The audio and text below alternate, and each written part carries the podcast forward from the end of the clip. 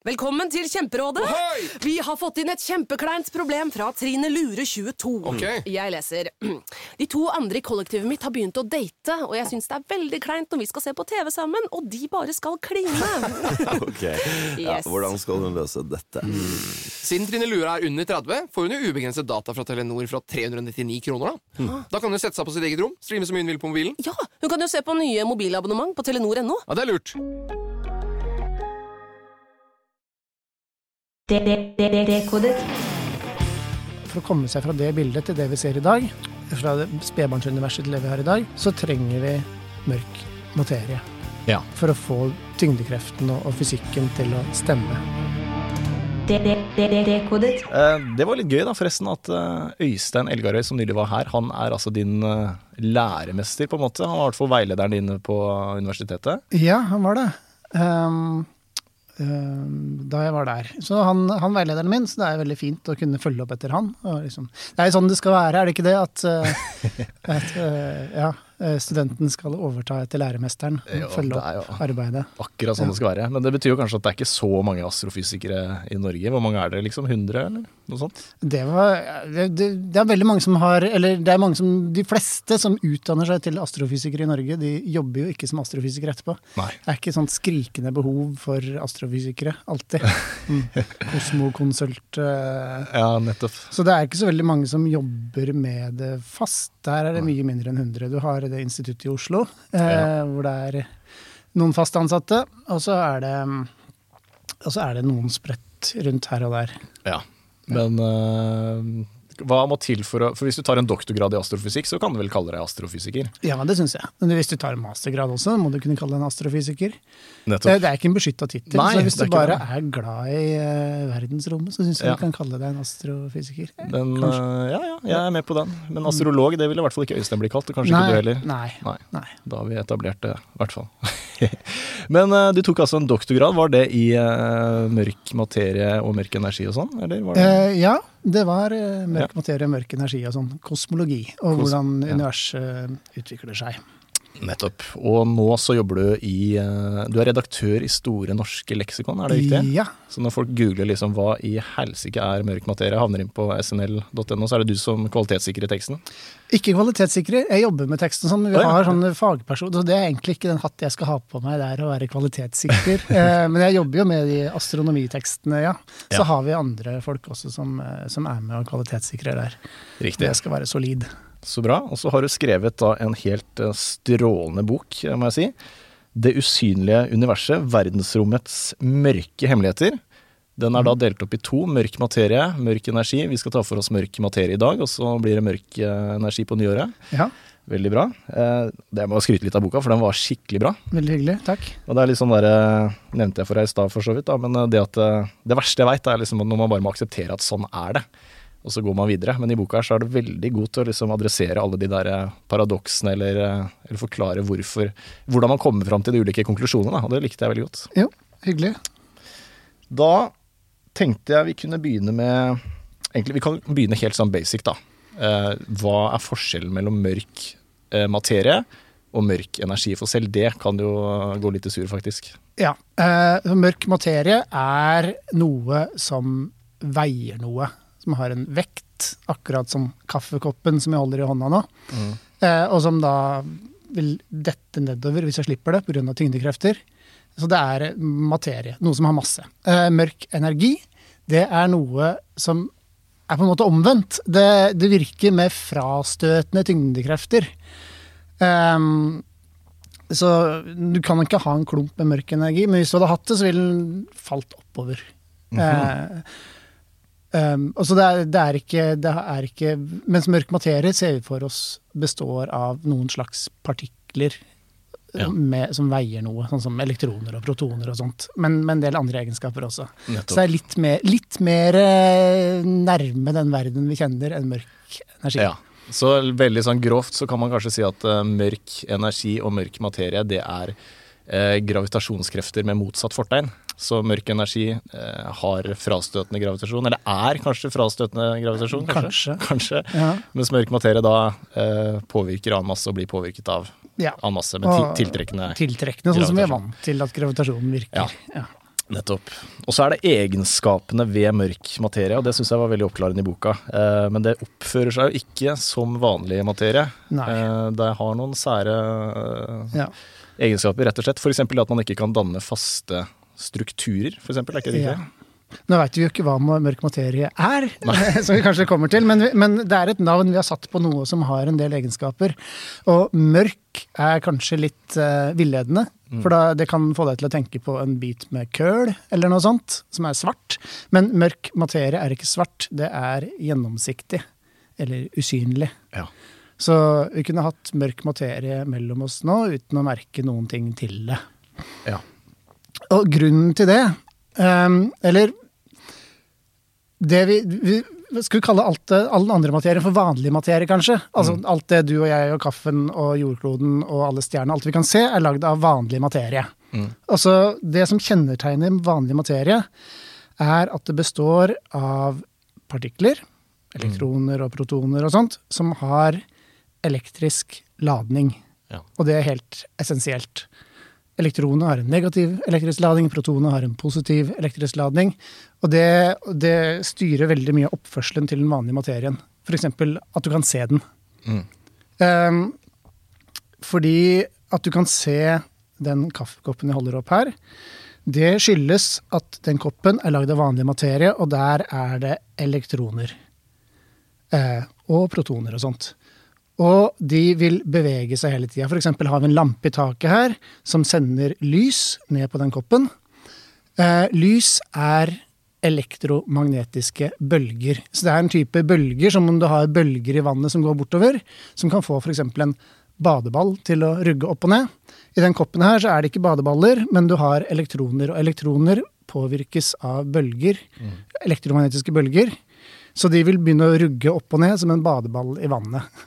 Eh, så, så når det lyset fra lampa treffer kaffekoppen min, så vil de elektronene i koppen begynne å riste på, riste på seg.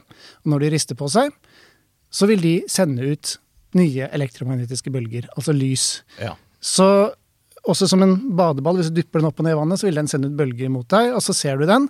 Og du ser den bølgen fordi du har elektroner i øyet ditt. Når den bølgen treffer øyet ditt, eh, de elektronbadeballene der, så vil de begynne å riste opp og ned. Og når de rister opp og ned, så vil de sende et elektrisk signal til hjernen din. Eh, og så vil du, vil du oppleve da at du har sett den koppen. ja, nettopp. Så hvis du fjerner de elektriske ladningene, så vil den være usynlig. Ja, det gir mening. Så materien er Det er ikke bare det at vi ikke kan se det når vi stirrer ut i universet, men hvis jeg hadde hatt en klump med eh, mørk materie i hånda, så hadde det ikke vært mulig å se den. Nei. Uh, nei, fordi den har ingen elektriske ladninger. Så den, fanger ikke opp noe lys, og den sender ikke ut noe lys. Nettopp. Og det at den ikke har noe elektrisk ladning, er også grunnen til at man ikke kan danne faste strukturer. ikke sant? Så at Ja. det ikke holder seg sammen. Ja, Så den, den kaffekoppen har jo da uh, kjemiske bindinger i seg. Mm. Alle sånne der molekyler og metaller og alle sånne ting som henger sammen pga. kjemi, det er elektriske krefter. Så det er elektroner og protoner som trekker på hverandre. Mm. Liksom like ladninger frastøter hverandre, og motsatte ladninger tiltrekker hverandre, og så inngår det sånne bindinger og sånt. Så, så alle, alt som henger sammen, eh, som vi har, ser rundt oss, det skyldes også de elektriske ladningene. Så tar du bort de elektriske ladningene, så vil det være usynlig, og så vil det ikke henge sammen. Nettopp. Så da Måten man må se på mørk materie på, det er eh, Man må liksom tenke på det som en, eh, en suppe av partikler, da. Heller enn noe fast, ikke sant. Ja, fordi det, det de, de bryr seg ikke om å henge sammen. sammen i det hele tatt. Asosiale partikler. Rett og slett. Men hvis man gjør et tankeeksperiment, da, hvis man har, tar f.eks. en bøtte, en strambøtte, og så klarer man å fylle den til randen med mørk materie, eh, og putter hånda oppi, vil man kjenne noe da? Har det en konsistens, tror du? Nei. Nei, det blir, det blir som å ta på luft. Ja, eh, fordi Eller luft vi kan jo til og med merke Ja, at det er litt jo- motstand i. Men det her vil jo Mørk materie ville bare kunne bevege seg tvers gjennom hånda di, vil ikke bry seg om hånda di. Fordi det er ikke noen elektriske ladninger som vil krasje med hånda. Og, og det veit vi jo. Altså, mørk materie finnes. Mm. Vi veit om partikler som ikke har elektrisk ladning. Um, den vanligste partikkelen i universet, bortsett fra fotoner, altså lys, um, er en type partikler vi kaller nøytrinoer. Og de veit vi finnes, vi har observert dem, selv om de ikke har elektriske ladninger. Vi kan kanskje komme tilbake til det etter hvert, men det er mulig å observere dem fordi det er så innmari mange av dem. De dannes f.eks. i kjernereaksjoner i sola, og det går milliarder av nøytrinoer tvers gjennom kroppen din hvert eneste sekund. Ja, Så akkurat nå så blir vi bombardert med nøytrinoer som går tvers gjennom. Ja. Og det er en form for mørk materie. Men det kan ikke være den mørke materien i universet. Eller det er bitte, bitte litt av den, men det er ikke Ja. alt. Det er ikke nok. Vi veit for mye om nøytrinoer. Vi vet at det kan ikke være det. Men sånne partikler finnes. Ja. Som du syns det høres rart ut at det er noe som ikke har elektrisk ladning, og som bare er usynlig og går rett tvers gjennom det. Så Mm. det finnes allerede. Nettopp. Og selv om vi ikke ser sola nå, så kan jo de partiklene fint passere tvers gjennom jorda fra andre sida og treffe oss. Ikke sant? Ja. Uh, ja. Ok, så det har en del sånne sære egenskaper. Usynlig, eh, Ja. går tvers gjennom eh, kroppen og krasjer ikke med Er det fordi mørk partiklene er så små, tror man? At den ikke krasjer med atomene i kroppen vår? Nei, altså det, det som Nå er snakka du selvfølgelig om nøytrinoer, da, men jeg tenker Ja. på det som mørk materie også. Mm. Men, Ja, mørk materie og nøytrinoer. Når vi prater om størrelsen til en partikkel, så de partiklene vi har rundt oss, de atomene vi har også, Mm. er jo veldig, veldig små. Så øh, kroppen din er jo stort sett tomrom. ja. Eh, Det er atomer som henger sammen, med all massen i praksis All massen i et atom, alt stoffet, er i atomkjernen. Men hvis hele atomen, Du ser for deg at atomet er så stort som en fotballstadion, så vil den atomkjernen der stoffet er samla, være en som en ert som ligger Ja. på midtbanen. Shit. Så hvis, kroppen, hvis du bare zoomer veldig inn på kroppen din, så du bare ser for deg alle atomene som noen fotballstadioner som ligger stabla ved siden av hverandre, så er, så, så er liksom de atomkjernene der stoffet er samla, blir da som en ert med noen hundre meters avstand. Mm. Og resten er jo tomrom.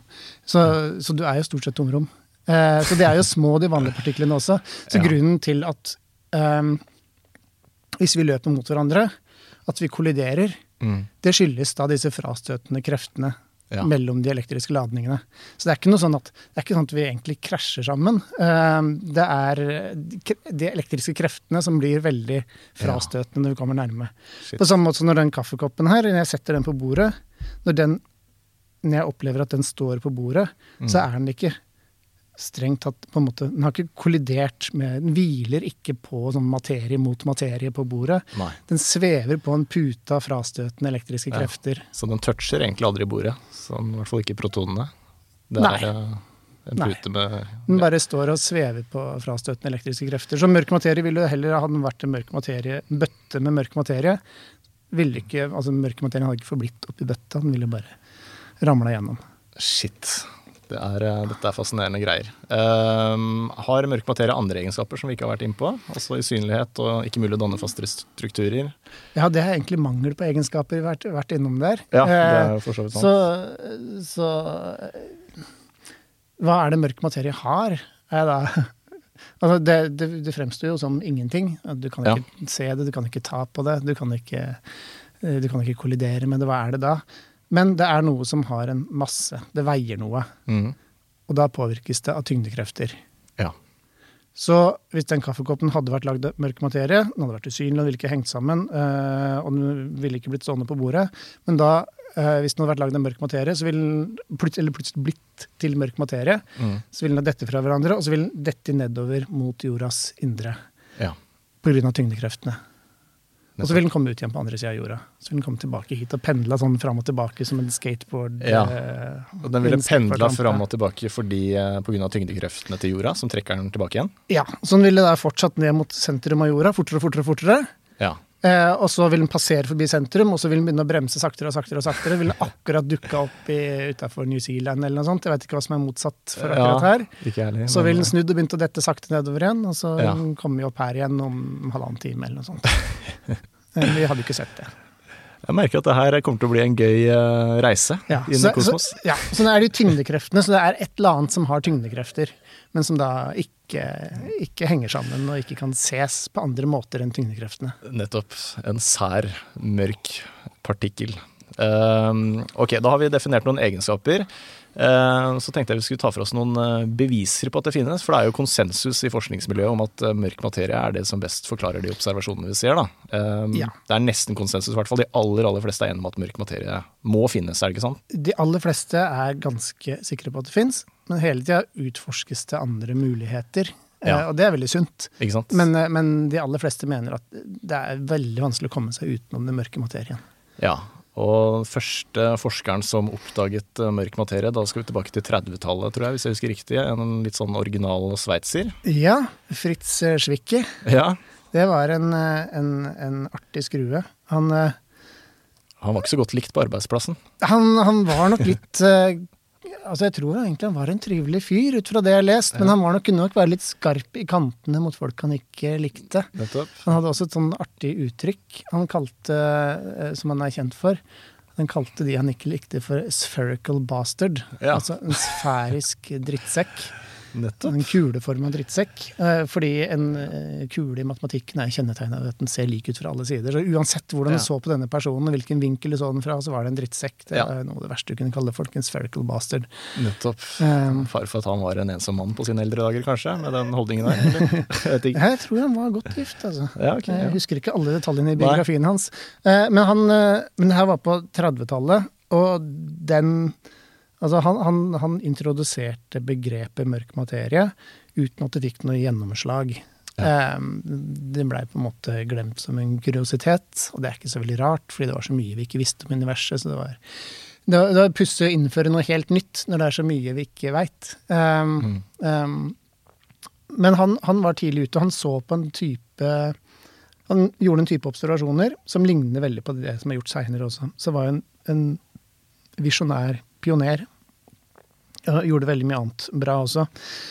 Eh, og det her var eh, tidlig på 1930-tallet. Eh, og for å sette litt sånn i en kosmologisk kontekst, så er det først eh, på 1920-tallet, altså under ti år tidligere, at man har skjønt at universet er mer enn bare de stjernene vi kan se. Eh, du hadde noe som het eh, Du kalte spiraltåker. Det vi i dag kaller galakser, som vi i dag veit er enorme ansamlinger av stjerner som ligger langt utenfor Melkeveien, som er vår galakse. Men den tida var det en stor debatt om det finnes inni Melkeveien eller utafor. Og det blei avgjort på 20-tallet, eh, 1920-tallet at eh, de de spiraltåkene er selvstendige universøyer, som man Ja. kunne kalle det, som ligger langt utafor. Ja. Så det, her, det var liksom akkurat eh, falt på plass, dette at wow, de stjernene vi ser, og den melkeveien og sånt, det er bare en bitte liten del av hele universet. Ja, Så du, du var liksom på det stadiet hvor det var nytt. shit. Ja. Ja. Og allerede da begynte han å studere eh, det vi kaller galaksehoper. Fordi det er jo sånn i universet at øh, vi har solsystemer, som er liksom minst en liten enhet i den, i den eh, sammenhengen her. Og solsystemene og stjerner de samler seg i galakser, som er klumper av stjerner og solsystemer, om det er mye gass og sånt. Og de galaksene igjen, de er ikke spredd jevnt utover, men de samler seg i galaksehoper. Mhm. Som er da en slags type svermer av galakser. Som holdes sammen av tyngdekreftene.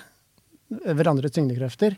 Så de kan fare av gårde, men så trekkes de tilbake og farer sånn på kryss og tvers som en myggsverm. Eh, grunn av de felles tyngdekreftene, som er sterke nok til å holde den samla. Eh, han studerte en galaksehop, som vi kaller komahopen, som består av noen tusen galakser. Um, og han så på hastigheten til de galaksene. Og det, det er ikke så lett å måle hastigheter. Um, men, det, det han, eh, men det klarte han å gjøre på et vis. Uh, vi kan kanskje komme tilbake til hvordan man gjør det også. Men han målte hastighetene, og han fant ut at de galaksene de beveger seg så fort at det må være innmari mye masse, mye materie, mye vekt på alle de galaksene til sammen hvis de skal lage nok tyngdekrefter til å holde, holde seg samla. For de bevega seg så fort at du skulle tro at de bare fløy fra hverandre hvis det ikke var veldig mye tyngdekrefter der. Og hvis han så på hvor mye de lyste, så kunne han regne ut ok, der må være det er så mye lys, så kan han regne om det til hvor mange stjerner det er, og en stjerne veier så og så mye. Og så kunne han regne ut liksom fra alt det lyset han så, hvor mye masse, hvor mye masse du fikk fra det, hvor mye tyngdekrefter du kunne få fra det. At, ja, men det er jo bare en, altså alt, Alle de stjernene i de galaksene de er jo bare nok til, å, til en hundredel av eh, til å lage en hundredel av de tyngdekreftene vi trenger for å holde disse rask, veldig raske galaksene samla. Ja. Og de holdt seg jo samla. Så da postulerte han at ah, det må være masse materie der, mye stoff som vi ikke kan se. 99% av komahopen må være stoff vi ikke ser, og det kalte han dunkel materie. For, ja, sveitser. Dunkel Dunkle materie. Ja, Dunkel materie. dun- ja. Du er nok stødigere enn tysk, i tysk enn meg, høres det ut som. Nei, jeg hadde det på ungdomsskolen. Ja. Fikk vel fire, tror jeg. Fire pluss eller noe sånt. Ja. Dun, dunkel. Men eh, den syns satt i hvert hvert jeg fall. syns det, er er veldig fint navn. Ja, enig. Jeg tenker nesten en grunn til å starte et rockeband. Bare. Dunkel Mathieu, Det høres ut som et tysk eh, Ja, ja. beinhardt rockeband, faktisk. Jeg hadde kjøpt plate. Ja. Nei, men bra. Eh, Han, eh, så det han gjorde, var at han, eh, han da målte hvor mye synlig lys det var, og ut, regnet det om til masse, og det stemte da ikke overens med hastigheten til disse galaksene.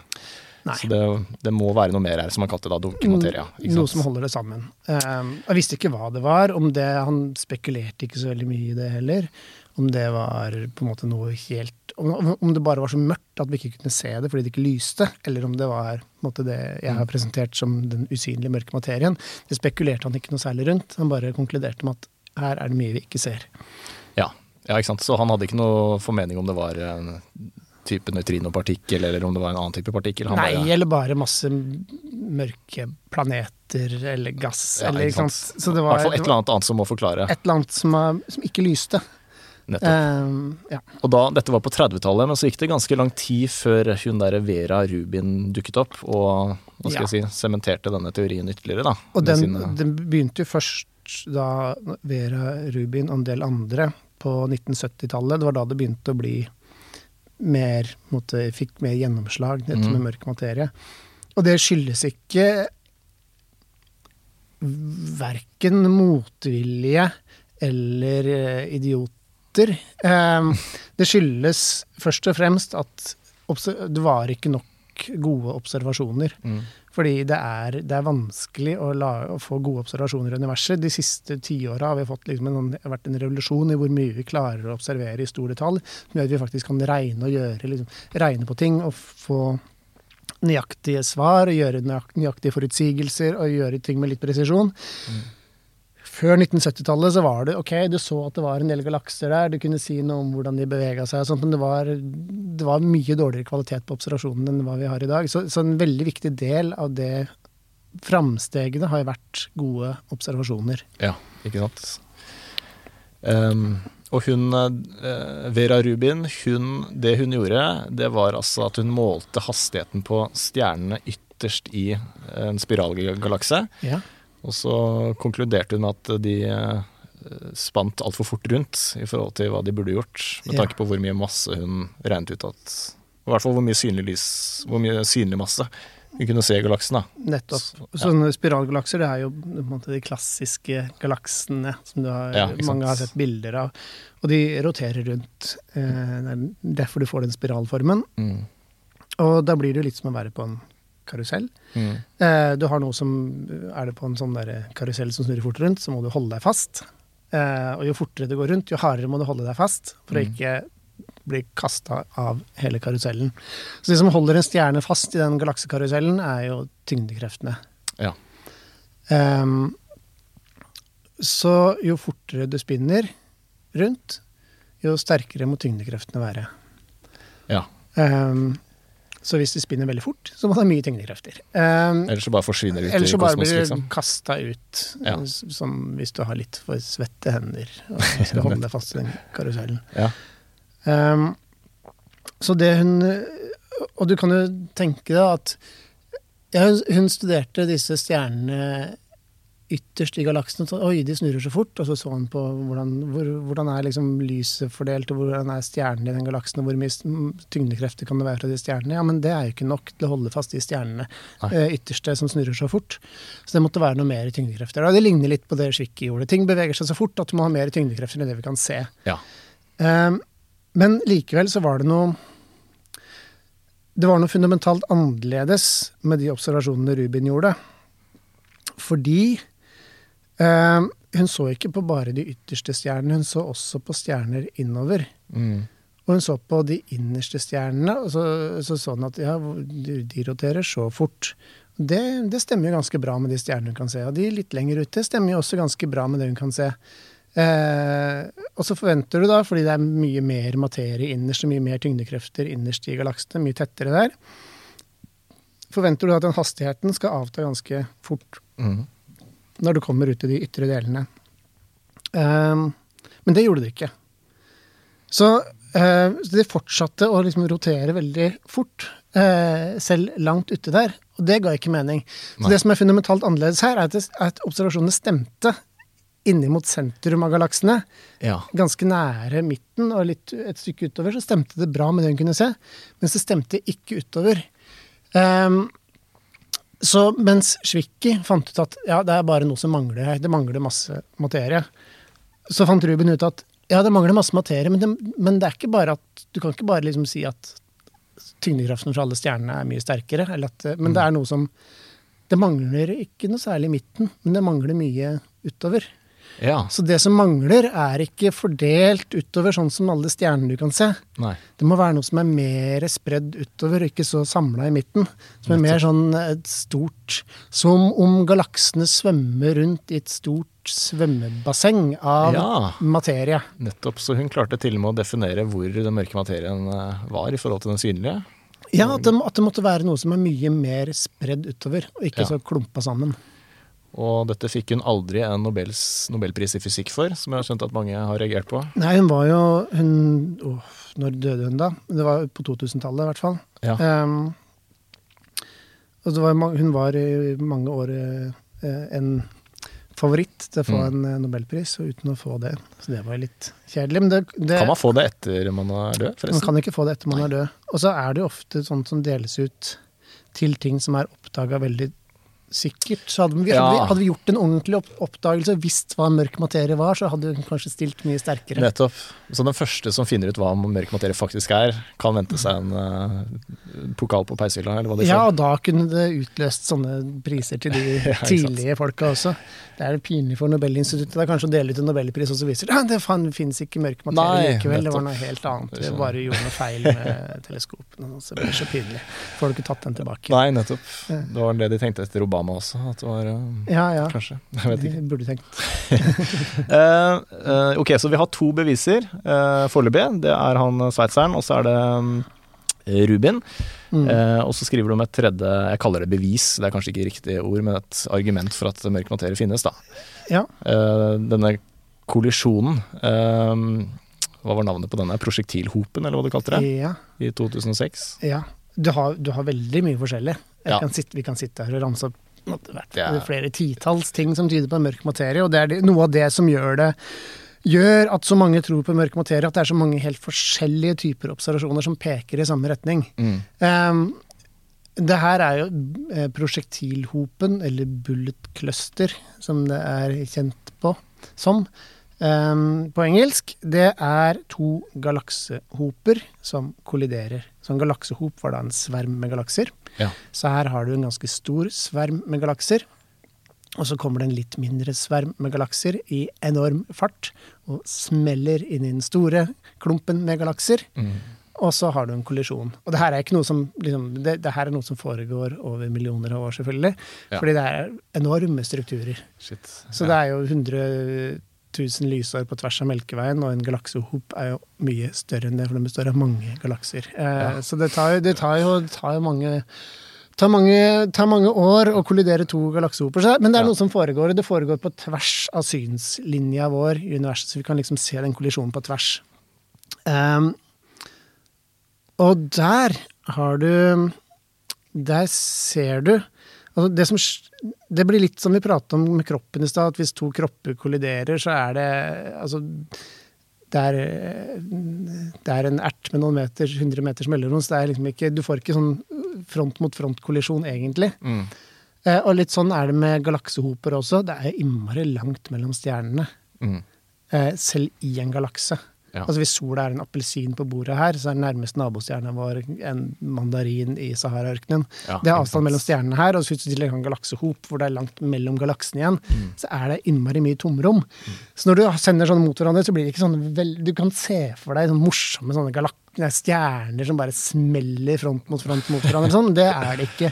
Nei. Så det som skjer, er at du har um, Men du har en del gass mellom galaksene, og den kolliderer. Så du kan se gass som kolliderer i enorm fart, og da begynner den å eh, de har, Gassen har elektriske ladninger, og da kolliderer de. Da sender de ut eh, type elektromagnetisk stråling, som eh, røntgenstråling, som vi kan observere. Vi ser den kollisjonen midt i. Og da all den gassen, eh, som det er veldig mye av i disse galaksehopene, kolliderer, så stopper de opp. Front mot front, som to biler, stopper opp. Eh, mister fart. Så du ser den gassen som kolliderer, og så har du den samla i midten av kollisjonen. Men så kan du bruke en annen teknikk som vi ikke har pratet om, til å se hvor er det mest tyngdekrefter i disse galaksehopene. Og ser du at oi, ja, men tyngdekreftene befinner seg i en klump på den ene sida og en klump på den andre sida. Og det gir mening hvis du forestiller deg at disse galaksehopene, i tillegg til denne gassen, i hovedsak består av mørk materie. For den mørke materien som kommer brasende mot den andre mørke materien, vil da bare fare Rett forbi. rett forbi. Tvers gjennom. Det vil bremses av tyngdekreftene, men det kommer så stor fart at det er ikke nok til å stoppe det der. Så, så, så mesteparten av det som lager tyngdekrefter, den mørke materien, har fortsatt ut på hver sin side. Så her kan du se at du har mye tyngdekrefter på den ene sida, og mye tyngdekrefter på den andre sida. Og den vanlige materien, gassen, har stoppa opp i midten og kollidert. Ja. Og når vi ser tyngdekreftene Nå har vi ikke det bildet her, da, det, siden dette er en podkast, men eh, da ser man at lyset bøyer seg, er det ikke noe sånt? Rundt Jo, som måten Det er ikke så lett å se tyngdekrefter eh, sånn til vanlig. Så, så grunnen til, og det er en veldig viktig teknikk fordi, for å finne mørk materie. Fordi mørk materie Det er jo tyngdekreftene som gjør at vi kan måtte, se i gåseøynene den mørke materien.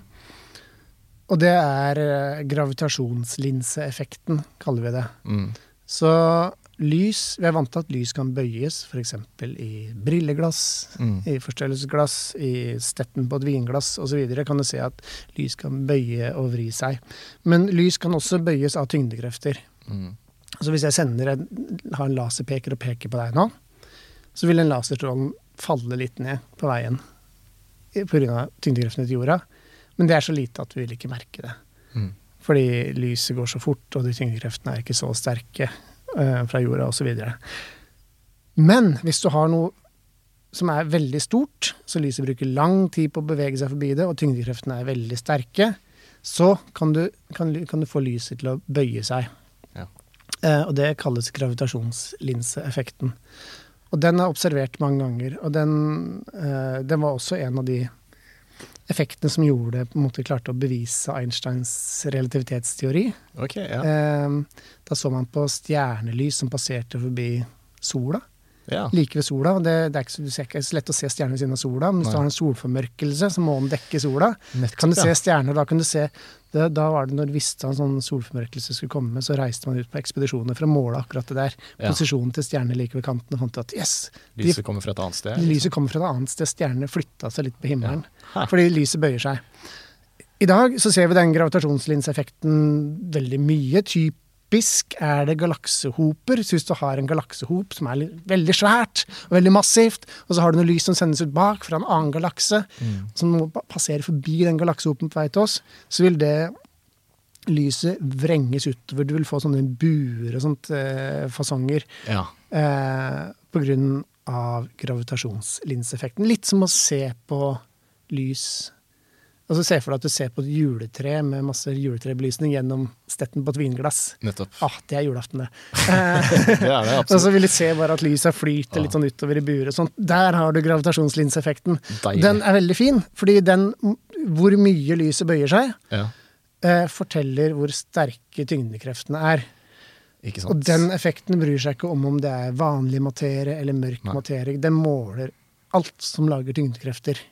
Så da kan du si, ved å se på den, kan du si hvor sterke tyngdekrefter det er, du kan si hvor de sterke tyngdekreftene er. Så det kan du bruke til å kartlegge tyngdekreftene i universet, og dermed også hvor den materien er. Ja, ikke sant. Så her brukte man gravitasjonslinsing, og så at lyset bøyde seg såpass mye at her må det være mørk materie i ligningen for at det her skal gi mening. Ja, Så du står på mange galakser som var bak denne kollisjonen. Mm. Så analyserte de, de bildene hvordan lyset vrei seg og sånt, til å se ja, de, eh, tyngdekreftene, og dermed materie, må være på begge sider av kollisjonen. Har passert tvers igjennom. Nettopp. Ja, da begynner eh, bevisbunken å vokse, men så er det ett bevis til. Da. og Det er jo det som gir alle astrofysikere ståpels. Det er jo da kosmisk bakgrunnsstråling. Ja. Som eh, du mener i hvert fall er det beste beviset vi har på at eh, mørk materie må eksistere. Jeg syns det er det beste, og det, kanskje det også det vanskeligste å forklare. Ja, lykke til. Vær så god. Eh, ja. Um, men jeg syns men jeg syns det er veldig viktig den kombinasjonen, for nå har vi pratet veldig mye om galakser og galaksehoper. Og, og det er viktig når du, skal, når du skal si at noe så rart som mørk materie finnes, eh, så må du ha gode beviser. Ellers kan du holde kjeft. Og jeg, liksom, eh, jeg kan prøve alltid å lete etter en enklere forklaring enn å postulere noe helt nytt. Um, når vi har sett på galakser og galaksehoper, så er det veldig viktig å se på noe som er av en annen størrelsesorden, og som har skjedd på en annen tid i universet, altså med en helt annen type observasjon. Fordi hvis du får, har flere helt forskjellige typer observasjoner, og du konkluderer med det samme, da, da, er, det liksom, da er det på vei mot noe. Eh, den kosmiske bakgrunnsrollingen, det er mikrobølgestråler som treffer oss fra alle kanter i universet hele tida. Mm. Jeg er gammel nok til at jeg har sett og vokst opp med sånn TV med snøstorm. Jeg vet ikke om du Jo, jeg er født i gammel 88. Ja. Var det ikke det på 90-tallet? Jo da. Ja, det var det. Ja, det, var det. Eh, noen, eh, hvor det hadde sånn, ja, bare sånn støy på TV-ene. En god del av den støyen, eh, i hvert fall hvis du er litt utafor byer, er, eh, er kosmisk bakgrunnsrolling. Ja, Så det er, eh, for det er litt på sånne frekvenser som TV-antenner kan ta opp. ja nettopp. Um, så det er da stråling som kommer fra like etter Big Bang. Eh, som treffer da, har reist gjennom hele universets historie. Fra før det fantes en eneste stjerne i universet, har den strålinga reist gjennom universet, og bare mens alt har blitt danna rundt og jorda har oppstått og sånn, så ender det opp i en TV-antenne. Eh, og Det er der endte den reisen sin etter Ja. nesten 14 milliarder år. Det, ja. Ja, ikke sant? Og sånn treffer oss hele tida.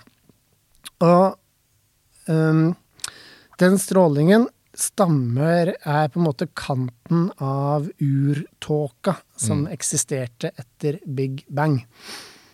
For det er jo sånn at når vi eh, Når vi um, beveger oss um, Når vi ser utover i universet, så ser vi også tilbake i tid. Ja. Og Lyset bruker åtte minutter på å reise i sola, så når du ser på sola, så ser du på noe som skjedde på åtte, åtte minutter siden. Ser du på den nærmeste stjerna, så ser du på noe som skjedde for fire år siden. Og så, og så Det der videre. snakkes det for lite om, for det er helt rått å tenke på. Det slutter ikke å fascinere meg. Nei, Men det, det, jeg syns det snakkes for lite om det. Når Ja. vi ser ut i verdensrommet, så ser Ja. vi tilbake i tid, altså. det er veldig gøy. Og ja, Andromeda-galaksen, for eksempel, det er, Ja. det er det fjerneste objektet du kan se. Ja. Det er en sånn veldig svak tåke. Du bør ha, ikke være i byen når du skal se på den. Nei. Det er to og en halv million lysår unna. 2,5 millioner lysår unna. Det, lyset bruker 2,5 millioner år på å nå Ja. Så hvis vi kan tenke oss at det er en sånn supersivilisasjon der, med sånn Ja. superteleskop som sitter akkurat nå Ja, og stirrer ned på jorda, ikke sant? eh, hva er det de vil se da? Jo, du vil ikke se mennesker engang, for de Nei. fantes ikke for 2,5 millioner år siden. Akkurat nå vil de da sitte og se en eller annen hominid, menneskeape, går rundt på savannen i Afrika, kanskje ha liksom Ja. og ha sånn, Yes! Jeg oppdaga ild! ja, det er helt Eh, sinnssykt. og så vil de, ikke, vil de tenke at nei, men det her er ikke noe sivilisasjon å bry seg om. Nei. Ja, det har de kanskje rett i.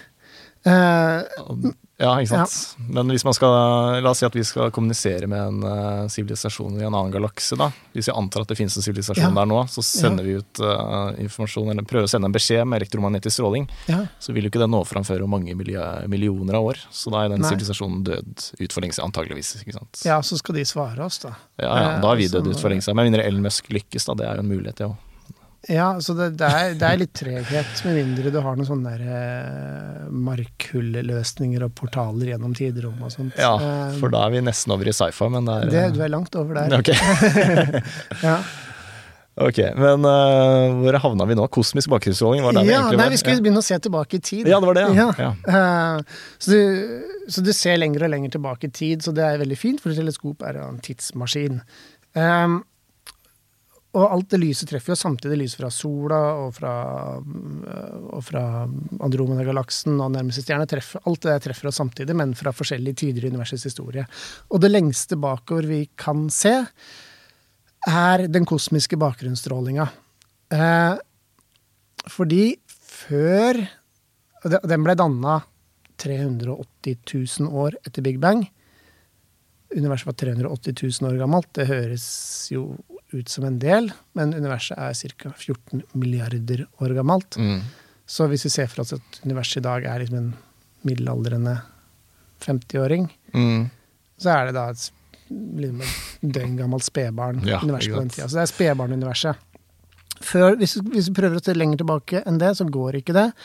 Fordi da var universet en tett tåke. Mm. Big Bang, da oppsto universet på et vis. Det har du vel prata om, eh, Øystein Elgarøy, eh, tidligere. Eh, Jeg skal ikke gå i detaljer på det, men det var innmari varmt. Ja. Ja, grådig varmt. Det var så varmt at atomer kunne ikke henge sammen. Og du hadde en sånn, Fordi jeg hadde et atom og en elektron og en proton som hang sammen og danna et atom, så kom det smashende andre ting, andre partikler inni dem, og bare brøyt opp igjen. Fordi når det er varmt, så beveger ting seg veldig fort, og når de smeller inn i hverandre, så ødelegges ting. Atomer også. Eh, så når det er veldig varmt, så smeller ting så fort inn i hverandre at du kan ikke ha stabile atomer, fordi du kan ikke ha elektroner som henger sammen. Da har du masse frie elektroner som bare beveger seg rundt som en suppe av elektroner. Og en sånn suppe av elektroner og protoner og sånt, det kaller vi et plasma. Ja. Og plasma og problemet med elektroner og sånne elektriske ladninger er at de fanger opp lys. Mm. Du var inne på i starten. Mm. Så nå, hvis du har noe lys som beveger seg der, så kommer det veldig kort før det blir fanga opp av et elektron som begynner å riste på seg og sender ut lys i en annen retning. Så det er som en, er som en tett sky. Mm. I skyer vil også lyset kunne reise veldig kort. Så vi, hvis, vi, hvis vi prøver å se tilbake i tid, så er det bare en sånn derre sky i alle retninger på himmelen. For Big Bang skjedde i alle retninger overalt. Uh, som også er et problem. Uh, ikke så lett å begripe. Ja, så, så Men etter hvert, da etter 380 000 år etter Big Bang, så blei universet kaldt nok til at elektroner og protoner kunne gå sammen og lage hydrogenatomer. Mm. Og disse hydrogenatomene, de, en sånn nøytral hydrogengass, ville da være gjennomsiktig nok til at lyset som hadde bare kollidert og sprettet fram og tilbake i 380 000 år mellom forskjellige elektroner og sånn, ganske sånn plutselig, Mm. i kosmisk tidssammenheng, blei universet gjennomsiktig, og det lyset kunne wei, slippe fri og reise av gårde. Og dette lyset har da reist gjennom universet da, i 13,8 milliarder år, eller noe sånt, og treffer oss fra alle kanter i dag. Og det er den kosmiske bakgrunnsrollingen. Så det er, et, Det. det, er, det, er et, det er på en måte kanten av skya eh, etter Big Ja. Bang. Så hvis vi ser på kanten på en sky på himmelen også, så ser vi lys som har kommet fra sola, så har det reist og kollidert masse fram og tilbake gjennom skya. Det lyset vi ser, er kanten av skya. Så vi ser kanten av universskya. Ja, så vi kan se enda litt lenger tilbake enn det, enn det synlige lys tillater at vi gjør, ved å måle elektromagnetisk eh, Ja. mikrobølgestrålingen. Ja. Så- Og den, og den strålinga, den var jo ikke sånn mikrobølges, Mikrobølgestråling er vel en sånn slapp stråling. Lange, Lange bølger, bølger. Eh, som ikke øynene våre kan se, men det er i prinsippet det samme som lys. Eh, den strålinga var ikke sånn den gangen. Var det gamma liksom i starten, eller eh, sånn super Da den ble sendt ut, så Det er en strekke seg en faktor på litt over Altså det er en faktor på litt over 1000 kortere bølgelengde. Mm. Kan vi, ja, vi kan begynne å regne på det. Ja. Jeg tror ikke vi skal begynne med det, Ja, men det var, det, er ikke så langt, det var ikke så langt unna synlig lys. En del av det var nok okay, synlig lys. Så har universet strekket seg og blitt litt over 1000 ganger større siden den gang. Mm. Når de, dette lyset, lysbølgene reiser gjennom eh, rommet, så vil også de lysbølgene strekke seg ut. Ja. Da kan vi Eh, bruke den ballonganalogien, kanskje. Hvis du tegner en eh, bølge på en ballong og blåser den opp, så vil bølge, lydbølgene, eller de bølgene du tegner, bli større. Ja. Sånn, øh, sånn er det også når universet utvider seg. Så Mm. strekkes de bølgene ut, og så har det blitt sånne slappe mikrobølger som vi Ikke kan se med øynene våre. Det hadde vært veldig kult om vi kunne sett universets begynnelse i alle retninger. Det kommer sikkert noen briller etter hvert. Ja, eller hvis det er noen dyr som har sånne mikrobølgeøyne eller noe sånt. Vi har jo TV-antenner. Ikke sant, vi har Eh, TV-antenner. Men så hvis ikke universet hadde utvida seg, så ville det vært eh, synlig lys vi hadde sett da istedenfor. Ja. Ja, men da ville det fortsatt Da ville vi heller ikke fått danna. Nei, ikke sant. Det var liksom at Ja. universet utvida seg, som Ja. gjorde at det blei kaldere. Da hadde ikke vi sittet her i dag heller, så det Nei, nei, nei, altså det blir veldig mye kontrafaktisk eh, spekulering her. Nettopp. Eh, ja. Ok, nei, men Da har vi etablert ganske bra hva kosmisk bakgrunnsstråling er. Ja. Um, så hvorfor er det et bevis for mørk materie, da? Ja, det var det. Var, var, var det. Fordi um, da var det ikke noen galakser og sånn, så det har blitt danna seinere. I den, den tåka var universet nesten helt jevnt, likt overalt, like tett. Eh, Ikke noe, I dag er det kjempeforskjell. Liksom. Du har stjerner, og så har du masse tomrom, og så har du en ny stjerne og en galakse, og, så, og så videre. Eh, da var det nesten helt jevnt. Så, så forskjellen i tetthet, hvor tett universet var samla, fra et sted til et annet, varierte liksom fra eh, var en titusendel tettere her og en titusendel mindre tett bortpå der. Så det var veldig små ujevnheter. Men disse ujevnhetene som faktisk fantes, det er da såkornene til alt vi ser rundt oss Mm. seinere i dag. Eh, galakser som har trukket seg sammen eh, Det som er områder med litt større tetthet, har da begynt å trekke seg sammen pga. tyngdekrefter, og samla til seg masse fra, og gass fra om, omkringliggende områder, og danna galakser og galaksehoper, alt det vi ser. Så det er såkornene eh, til eh, det universet vi ser i dag. Eh, så på 90-tallet så klarte man å observere den strålinga så nøye eh, og så detaljert at man kunne se strukturen i disse små såkornene. Ja. Og de forteller mye om hvordan universet har vært de første 380 000 årene. Det er én ting. Eh, fordi da var universet Da hadde, var det denne tette plasma som jeg pratet om. Og der var det også litt ujevnheter, og de, de områdene som var tette, de trakk seg litt sammen. Men siden det var elektriske ladninger, så på en måte økte trykket, og så ble det spredt ut igjen som en sånn stålfjær. Eh, men hvordan den strukturen er, handler om eh, eh, kommer an på hva universet besto av. Fordi vanlig materie som har ladninger, vil da fungere som sånne stålfjærer. Det trekker seg sammen i den gassen der med tyngdekrefter, og så vil alle de elektriske ladningene som dytter på hverandre, gjøre at det spretter ut igjen, som en sånn stålfjæreffekt. Mens den mørke materien, den gjør ikke det. Nei. Den bare trekker seg sammen, og, så liksom, og har ikke den der eh, trykkeffekten ut igjen. Ehm, så de vil oppføre seg forskjellig, uten å gå i akkurat detaljer på hvordan du kan se det. Så er det Så, så hvordan disse ujevnhetene i den kosmiske bakgrunnsrollingen ser ut, det er da ganske forskjellige signaturer hvis universet bare består av vanlig materie, som spretter fram og tilbake, eller hvis det består av mørk materie, som ikke spretter fram og tilbake.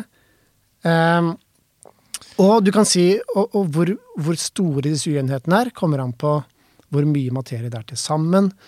Så ved å studere en stråling her, kan du si veldig mye om hvor mye materie det er til sammen, hvor mye av det som er vanlig materie, og hvor mye som er mørk materie. Ja, for i boka di så er det et bilde av dette her, og da snakker Ja. vi om et, uh, et, rett og slett et bilde av universets spede begynnelse, Ja. med ulik uh, massetetthet. Ja. Uh, og det er det bildet man da sammenligner med hvordan universet ser ut i dag. Ikke sant? ja. Altså, det jeg prater om nå, er hvordan det bildet i seg sjøl Okay. Fordi det forteller om hva som har skjedd for å lage det bildet. Ja, nettopp. Eh, I tillegg så, og, det, og, det, da, og, det tyder, og det bildet forteller oss da at vi har mørk materie, og det stemmer veldig bra med det vi ser i galakser og Ja. galaksehoper som kolliderer og alt sånt. Eh, I tillegg så er det de såkornene vi ser da. Det er jo de såkornene som har blitt til de strukturene vi Mm. har i dag. Akkurat, akkurat de såkornene vi ser, er på et annet sted, så det er ikke de som har lagd de galaksene vi ser her.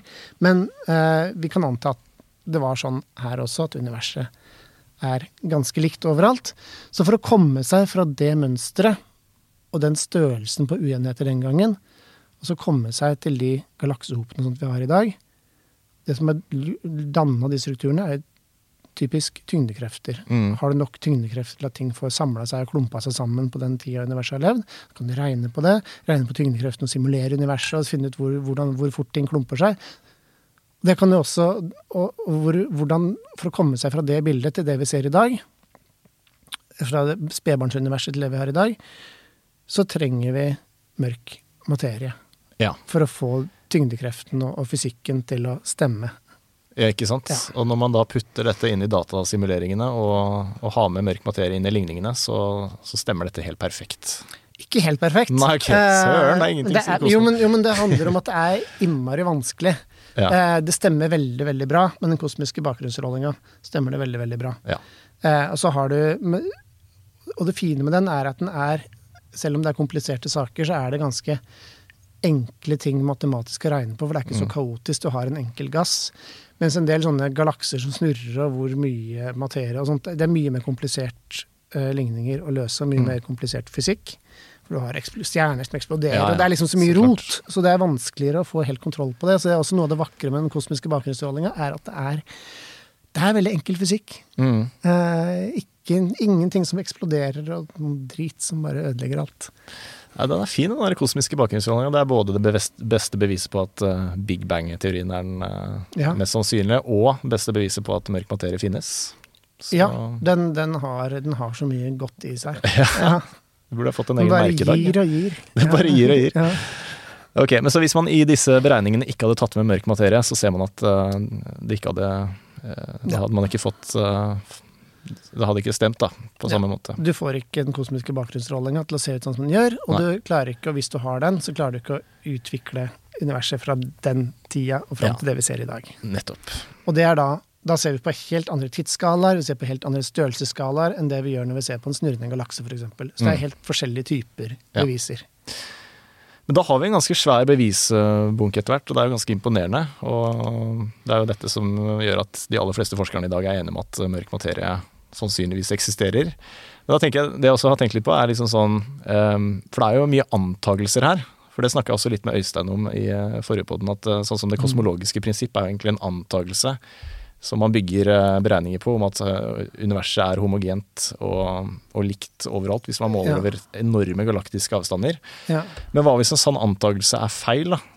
For eksempel det ja, Hvis han der sveitseren som målte liksom eh, Målte hvor mye synlig lys han så i en galakse. Men det er jo så enorme avstander her. Hva hvis han har målt helt feil? Eh, Ja. Så faller jo alt på steingrunn, på en måte. Eh, er Ja, og det det der er kjempevanskelig. ja. Um, og det er også litt av grunnen til at jeg understreker så mye det at vi har helt forskjellige ting vi ser på. Fordi hvis vi gjør en feil og vi måler hastigheten galaksen hurrer på, så er det en helt annen type observasjon enn det vi gjør når vi ser den kosmiske bakgrunnsstrålinga. Mm. Så det er liksom ikke, det er ikke én feil som kan velte hele det lasset av Nei. forskjellige ting. Og det er også mange ting her jeg ikke har prata om, eh, av ting som tyder på mørk materie. Eh, men, men alt det der er jo altså, så, så hver enkelt observasjon i seg sjøl har problemer og antakelser hefta ved seg, men det er Mm. ofte ganske forskjellige antakelser for de forskjellige tingene vi ser på. ja. Fordi sånn som han sveitseren, hvis jeg husker riktig, så Mm. eh, husker jeg ikke navnet hans. Jeg bare kaller han for sveitseren. Eh, Schwicki. Schwicki. Han eh, brukte dette, noe som heter standardlyskilde. Kafeide-stjerne, er det riktig? Kefeide. Kefeide. Eh, for da, da tenkte jeg, ok, da antar man at eh, For vi har funnet en kefeide som er såpass nær jorda at vi kan eh, måle hvor mye synlig lysene slipper ut, og så regne ut hvor stor masse den har. Ja, vi, ja, vi funnet mange. Vi funnet Ja, mange. ja. Og den pulserer, ikke sant. Ja. Så, og så har vi også funnet da en pulserende stjerne i en annen galakse millioner av lysår unna, som vi da antar er en kafide. Ja. Eh, og da tenker vi at vi har en standardlyskilde. Men hva hvis den der, det vi antar er en kafide, er en annen type stjerne som pulserer helt likt, men har Ja. en helt enorm uh, masse, da? Og det er også grunnen til at Schwicke tok ganske feil. Ja. Fordi han eh, Du hadde disse standardlyskildene som var oppdaga av Henrietta Livit, en kvinnelig astronom helt på starten av 1900-tallet. Mm. Som er en standardlyskilde da vil si at du, du har en stjerne. Når du ser en sånn stjerne, veit du hvor mye lys den sender ut. Hvis du har en, en, en lommelykt på 100 lumen, Mm. og så går du liksom lenger og lenger unna, så kan du se hvor mye lys du mottar, og da kan du regne ut hvor langt unna den lommelykta er, for du veit hvor mye lys den sender ut, og så ser du hvor mye den mottar, og jo lenger unna den er, jo mindre lys mottar du, og så kan du regne ut ja, den er 200 meter unna. Um, og det samme med disse stjernene. Hvis du veit hvor mye lys en stjerne sender ut, så kan du se hvor mye lys du mottar, og så kan du regne ut hvor langt den er unna. Mm. Ehm, og disse kefidene er veldig Det er en stjerne som da varierer lysstyrke, som du sa. Og hvor fort de varierer lysstyrke, det, det henger sammen med hvor lyssterke du er. Det kan vi vite, fordi vi kan se på sånne kefider som er ganske nærme. Som vi kan måle må avstand til på andre måter, gjennom oss, at, de, at de beveger seg på himmelen fordi jorda går i bane rundt sola, vi ser dem fra litt forskjellige vinkler og sånt. Og så da kan, vet vi ok, så sterkt lyser en sånn kefide. Så kan vi se på de i fjerngalakser, og så ja, antar vi at det er det samme. Eh, og da kan vi regne ut avstand til galaksen. Og det, og det var jo noe av det Schwicke gjorde feil. Han feilberegna avstanden til den galaksehopen. Mm. Eh, fordi han Fordi vi ikke forsto kefidene godt nok, at det er forskjellige typer kefider og sånt, og han trodde det var én type.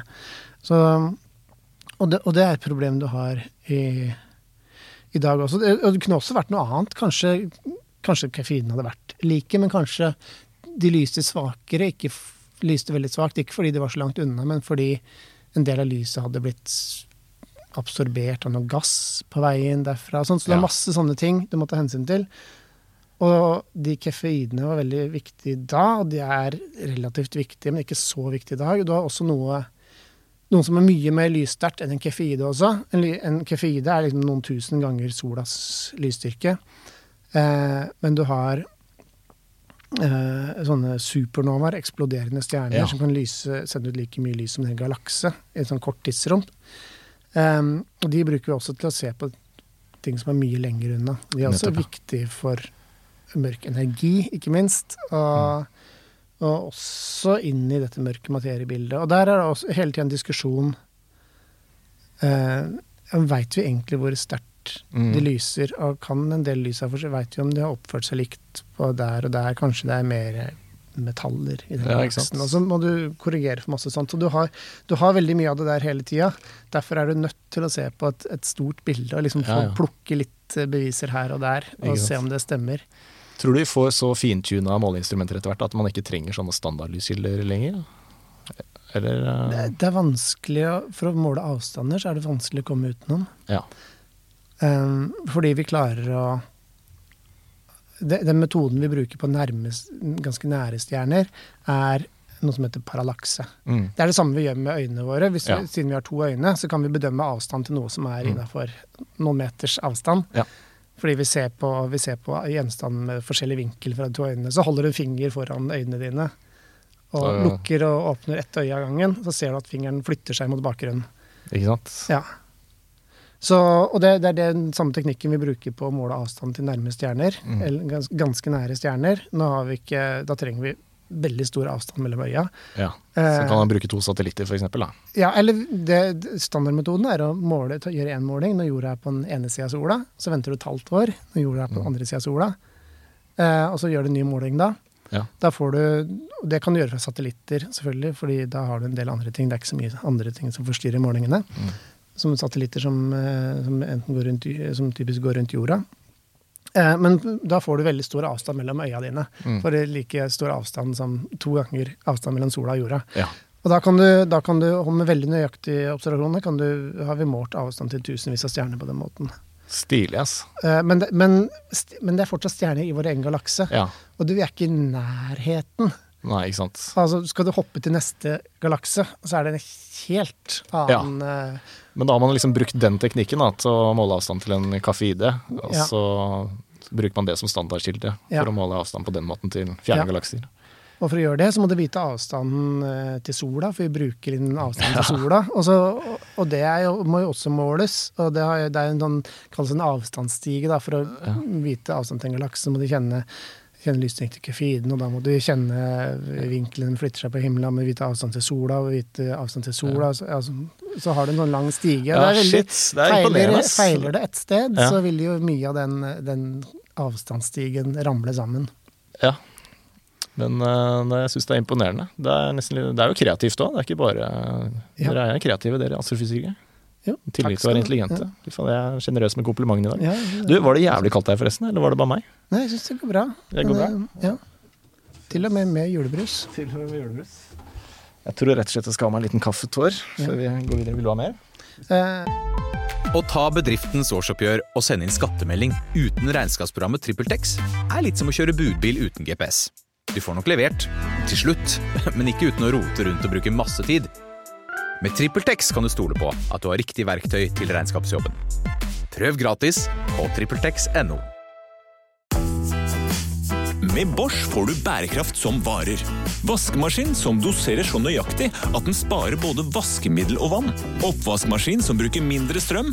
Og kjøleskap som gjør at maten holder lenger. Slitesterke produkter som verken sløser med vann eller energi. Nei takk. Da har vi jo tatt for oss eh, bevisene, og hvordan man har kommet fram til disse bevisene, eller eh, argumentene for at mørk materie finnes. Eh, Så er det noen hypoteser om hva mørk materie er for noe. Eh, Man vet jo ikke, men det er mange forslag i hvert fall. Ja, det er jo kjennetegnene når man ikke veit noe. Er det bare å komme opp med din egen lille morsomme hypotese, og så kan du publisere en vitenskapelig artikkel om det. Um, Så greit. Ja, veldig fint. Eh, Så det vi, det vi veit, det, vi er jo at det vi kaller mørk materie, er da noe som har en masse, som veier noe, og som ikke har elektrisk ladning. Og når vi da skal finne, eh, finne ut hva det kan være, så må vi da først se på de tinga vi veit om, som har en masse og ikke har elektrisk ladning. Um, veit du om noe? Som har en masse og ikke elektrisk ladning. Ja, nøytrinoer. Nøytrinoer nevnte vi, ja, det var innom i starten. Ja. Disse veldig lette partiklene. De, som det fins så mange av i universet. Og, og problemet er at vi veit litt for mye om dem. Ja. Um, men de ehm, De har en masse, men den er så liten at vi veit ikke helt hvor stor den er. Men vi veit at den er mindre enn en milliontedel av elektronene. Og elektronene er en totusendel av proton 1, som er det Ja. meste. Altså det, er, det er veldig små greier. Ikke sant. Eh, Det er liksom en milliarddel av et atom. En masse. Og så- selv om det er innmari mange av dem, så er det ikke nok. Nei. Dessuten siden de er så lette, ting som er lette, beveger seg veldig fort Mm. i universet. Så det det, funker ikke helt, for de vil ikke klumpe seg sammen i galakser. For de beveger seg så fort at de rekker liksom ikke å trekkes mot en galakse før de bare pjong, farer videre. Så de, de har en del egenskaper som gjør at nøytrinoer ikke funker. Mm. Men det er et bevis på at det fins partikler som, Ja. som, som er i den klassen der, da. Ellers så har vi jo nøytronene. De Ja. finnes i atomkjerner. Eh, for eksempel protoner og nøytroner. Men har ikke nøytroner en ladning? Nei, Nei. de består av kvarker som har ladning. Ja. De er, sånn Nøytroner og protoner er bygd opp av sånne opp- og ned-kvarker, som er Mm. enda mer fundamentale partikler. Og disse kvarkene har en ladning, men i nøytronene så nuller disse kvarkladningene ut, så nøytronet er nøytralt. Mm. Så et, et av problemene med nøytronet er at det har en, det har en ladning inni seg. ja. Et annet problem er at de finnes inni, inni atomkjerner. Um, men hvis du tar et nøytron og bare slipper det løs i universet, kaster det ut og lar det sveve av gårde, så har det en gjennomsnittlig levetid på ca. et kvarter Ja. før det henfaller, sier vi. Det blir til noe annet. Å ja. Så det kunne vært en god kandidat, men den lever for kort? Den lever for kort. Eh, og de aller fleste partikler Vi har jo en hel haug med partikler i Ja. den partikkelfysikerne elsker jo masse, masse partikler som vi vet, som de kan lage i sånne akseleratorer og sånt. Men de aller fleste partiklene de har en veldig kort levetid. Vi sier at de er ustabile. Nettopp, ja. Så det er i hvert fall ikke noe magisk og nytt med en partikkel som ikke har en elektrisk ladning. Det fins det flust, da, men det kan ikke forklare mørke energi. Nei, så vi må, ha, vi må ha noe som veier mer enn nøytronene, og så Ja. må vi ha noe som er stabilt, som ikke bare forsvinner. Det må, det må leve liksom, en, Ja, i milliarder av år uten å forsvinne. det er såpass, ja. ja. Helst. Ja. Um, det veit vi. Men samtidig um, De um, de, all, Alt materien i universet, alt det stoffet vi er lagd av, ble jo lagd i forbindelse med Big Bang, Mm. regner vi med. Så vi vil jo også tro at den mørke materien har blitt lagd da. på en måte. Da hadde du bare en enorm energiball. Og energi kan du gjøre om til masse, f.eks. partikler. Ja. Einsteins E lik MC. Kan Ja. du gjøre, er energi og materie to, ting, masse, to sider av samme sak, så du kan gjøre energi til masse, så kan du få partikler og sånt. Um, så vi vil gjerne ha noe som Og skal du kunne lage det, så må du liksom kunne vekslevirke med resten av det kjente universet på et eller annet vis. Du har fire måter ting kan vekslevirke på Mm. um, av de natur, fundamentale naturkreftene. Vi har uh, elektriske krefter, som um, de ikke kan ha, for da ville de sett det. Mm. Uh, du har tyngdekrefter. Ok, det vet vi at de har, ellers så hadde vi ikke trengt å bry oss om det. hvis vi ikke hadde det heller. Um, og så har du sterke og svake kjernekrefter. Mm. Litt sånn forenkla sagt. Eh, og det er Eh, og det er disse svake kjernekreftene er ganske interessante her. Det er gode grunner til å tro at den mørke materien kan vekselvirke med svake kjernekrefter. Det kan forklare hvordan det har blitt danna i det hele tatt i starten av universet. fordi de, når ting var veldig tett og veldig varmt, så var de svake kjernekreftene som det var etter Big Bang, så var de svake kjernekreftene viktige. Mm. Og selv om vi ikke kan se noe mørk materie i dag, så kan de ha vært en viktig del av liksom hele universsuppa den gangen. Og nøytrinoer, eksempel, grunnen til at vi vet de, at de finnes, er av at de kan vekslevirke, eller kollidere, om du vil, med svake kjernekrefter. Så det er krefter eh, som i motsetning til elektriske krefter er, Elektriske krefter er ganske sterke, og de har lang rekkevidde. Eh, Du kan um, uh, Altså ut, ut fra atomkjernen. Mm. Du har et elektron som, langt, som beveger seg langt utafor, de kan påvirke hverandre på god avstand. Men svake kjernekrefter har veldig kort rekkevidde og er veldig svake, så de virker bare i nærheten av atomkjernen.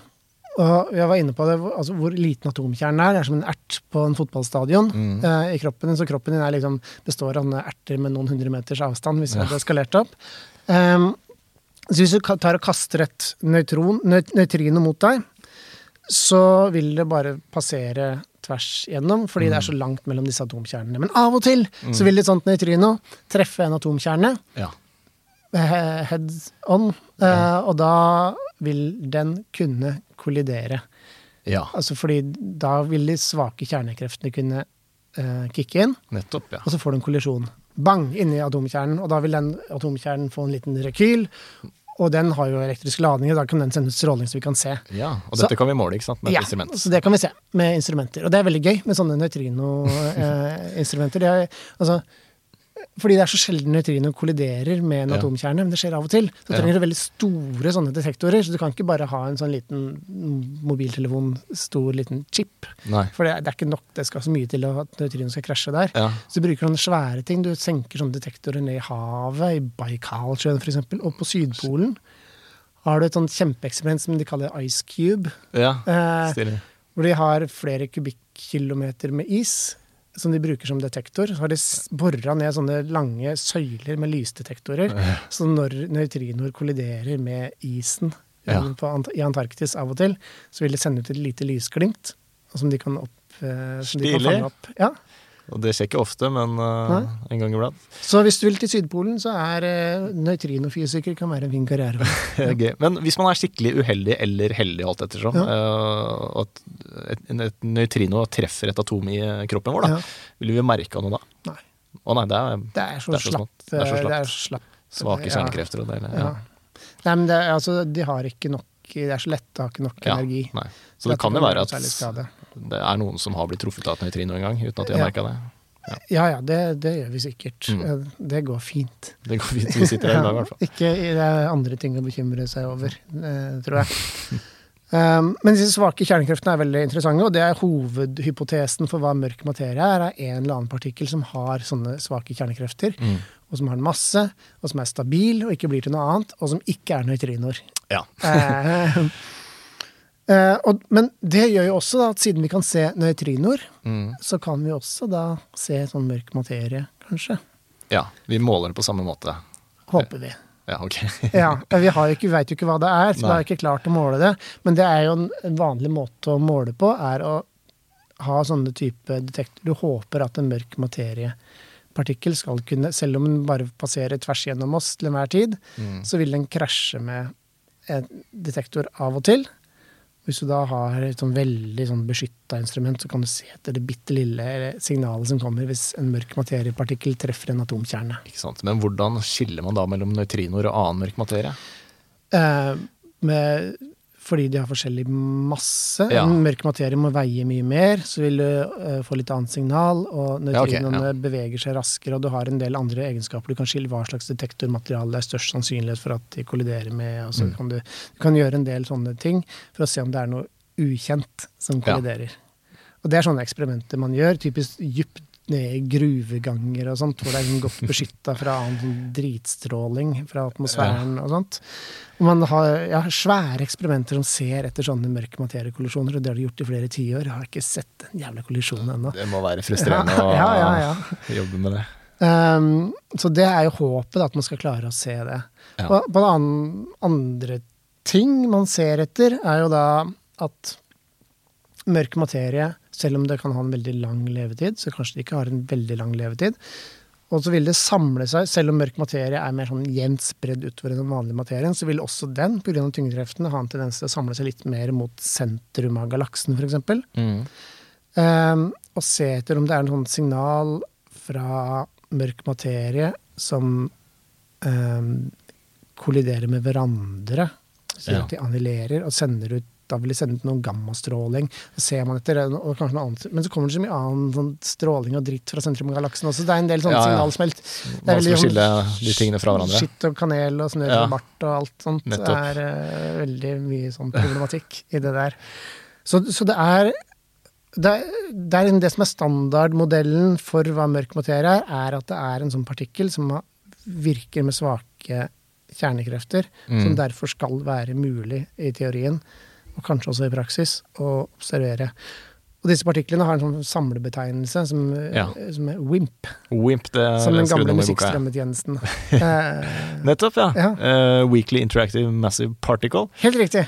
Ja. Svakt vekselvirkende, massiv partikkel. Men det er bare karikastikka, holdt jeg på å si. Det er jo ikke navnet på selve partikkelen man leter etter, men det er bare Nei, beskriver er hva man leter etter. Beskriver ja, Og så kan du finne på sånn i teoretisk fysikk og partikkelfysikk kan du finne på masse forskjellige sånne modeller for hva WIMP kan være, og hvordan det passer inn i modellen vi har for partikkelfysikk ellers. Og, Ja, Men det er, det er WIMP som er den ledende hypotesen, som de fleste ja, går eller, etter. det er, ja, eller samlinga av hypoteser, da. Ok, Ja. ja. for det er jo mange WIMP-er. Men, eh, men det er typisk noe man Det er den ledende hypotesen, men det, det Altså, jeg sa at vi er, det er stor enighet om at mørk materie finnes. Mm. Eh, at det er ikke så stor enighet om at mørk materie er en WIMP. Nei, okay, det, da er vi mer ute og Ja. Der begynner folk å fraksjonere seg mer okay, eh, på det nivået. det. Men, det, men det er jo en ledende Det er en ledende hypotesen, ja.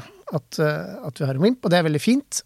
Eh, I så fall, for da skal det være mulig å kunne observere dem. Mm. Og selv om det er mye mørk materie i universet det, altså Vi tror jo det er for hver kilo med vanlig materie, tror vi det er fem kilo med mørk materie. Ja. Men den er jo da spredd mye mer utover. Så universet stort sett er jo ganske tomt. Eh, så vi er veldig ikke, på et veldig ikke-representativt sted her på jorda, hvor det er mye stoff rundt oss. Mm. Det er derfor vi er akkurat her. Eh, mens mørk materie er mer sånn jevn suppe utover. Litt tett ja, i galaksen samler seg rundt galakser og sånt. Men vi, vi, svømmer, vi kan jo se for oss at jorda liksom svømmer gjennom en sånn suppe av mørk materie. Da, Mm. rundt, I bane rundt uh, sola. Um, Men, og, så, ja. så, så, hva er, så, vi kan se for oss kanskje at det er en, en kilo da, med mørk materie som Mm. passerer gjennom, som er inni jorda til ethvert tidspunkt, og som bare passerer forbi. ja. Så det er, det er ikke så, så mye av det her. Og i tillegg, når det er såpass lite, og så skal vi ha en flaks at den treffer en eller annen partikkel akkurat i den detektoren vi har lagd, eh, og så skal vi klare å observere det. Det, det, er, det er ikke så lett. Det er et knotete forskningsfelt, ja. Men Man skal være sikker på at det ikke bare er en løs kabel.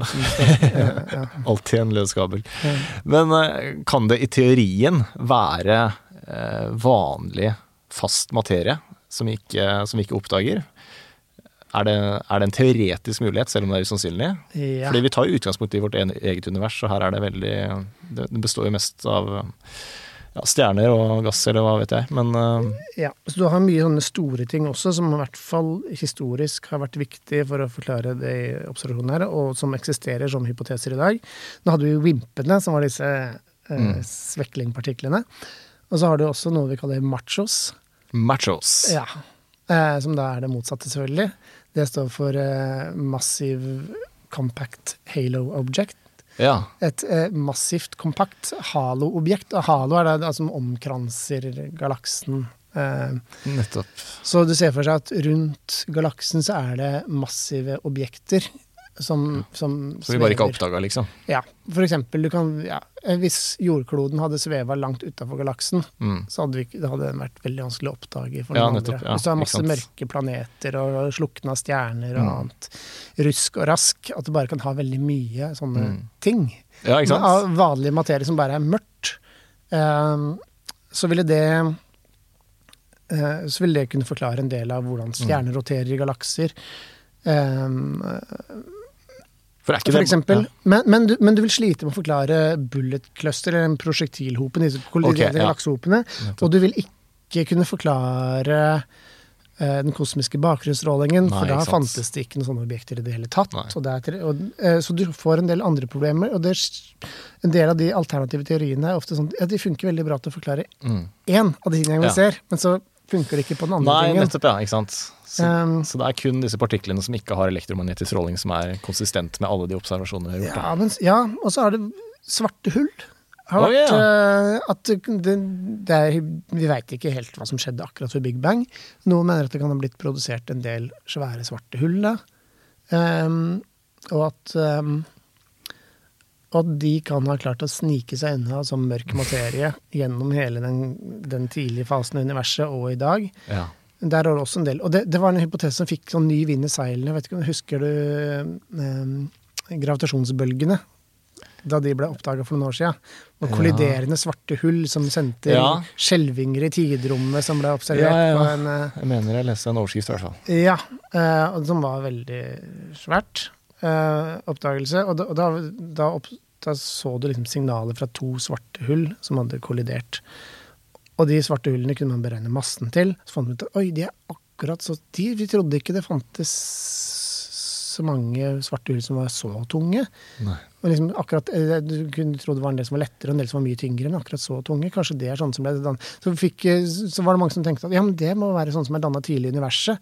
Uh, hvis det der er, er vanlige svarte hull, liksom, da har vi et problem. Kanskje det, kanskje det er den mørke materien. Fikk den der tanken der med svarte hull et oppsving. Og så viste det seg at man så flere sånne kolliderende svarte hull med gravitasjonsbølgedetektoren etter hvert, at de var veldig spesielle, de første man så. Mm. At de var ikke typiske, og så Nei. falt den litt bort igjen. Og så, men, men det er også sånne ja, svarte hull. Det er også et, Får du problemer med, at du kan forklare den kosmiske bakgrunnsstrålingen? Kan være problematisk, men du kan forklare andre ting osv. Nettopp. og det samme med Kanskje du ikke har mørk materie i det hele tatt? Ja, Ja, er det noen som tror det, da? Ja. ja. Ja, ikke sant? At man må endre på gravitasjonslovene isteden, for å få det til å gi Ja. mening? Ja, I de roterende galaksene, eksempel, der var problemet at eh, stjernene ytterst snurra så fort at du skulle tro det ikke hang sammen. Men det er jo basert på lovene vi har for tyngdekrefter. Og her kan vi godt bare bruke Newtons eh, lov for tyngdekrefter, som er ganske enkel, og sier at når du dobler avstanden til noe, så blir tyngdekraften en fjerdedel. Ja, ikke sant? Um, uh, og så dobler du avstanden igjen, så blir det en åttendel osv. Som faller um, på den måten utover. Um, og det er en sammenheng vi har målt her på jorda og i solsystemet.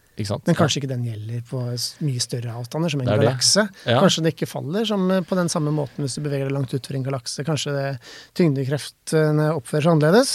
Og da kan, du, det, da kan du lage deg en ny tyngdelov som, er, som, som stemmer med alt vi har observert innen solsystemet, og som i tillegg eh, som oppfører seg annerledes på mye større skala, og så kan Ja, du forklare disse stjernene. Da slipper man å innføre noe helt nytt, liksom? Som ingen Ja, så kan du forklare alle Vera Rubins roterende galakser Ja. med en, ny lov for tyngdekrefter. Kan ikke vi bare gå for det, da? Så har vi løst det. Jo, men så, funker ikke det på andre ting som er Nei, mye større enn det igjen. Ja. Da, da sliter du med prosjektilhopen, du sliter med den kosmiske bakgrunnsstrålingen, du sliter med en del sånn, hvordan galakser har dannet seg ellers. Du, du kommer tilbake og du, du får, du får Det er en fin ting. Kan du lage en vitenskapelig artikkel om at 'jeg har en teori her som kan forklare dette', og så kan du skrive en ny artikkel etterpå. Men den kunne ikke forklare dette. Nei, Så nettopp. da. Du, like har, du har veldig mange sånne som spretter opp. Men Vera Rubin, eh, som da observerte disse roterende galaksene, som var slags sånn viktig startskudd for mørk materie på 1970-tallet.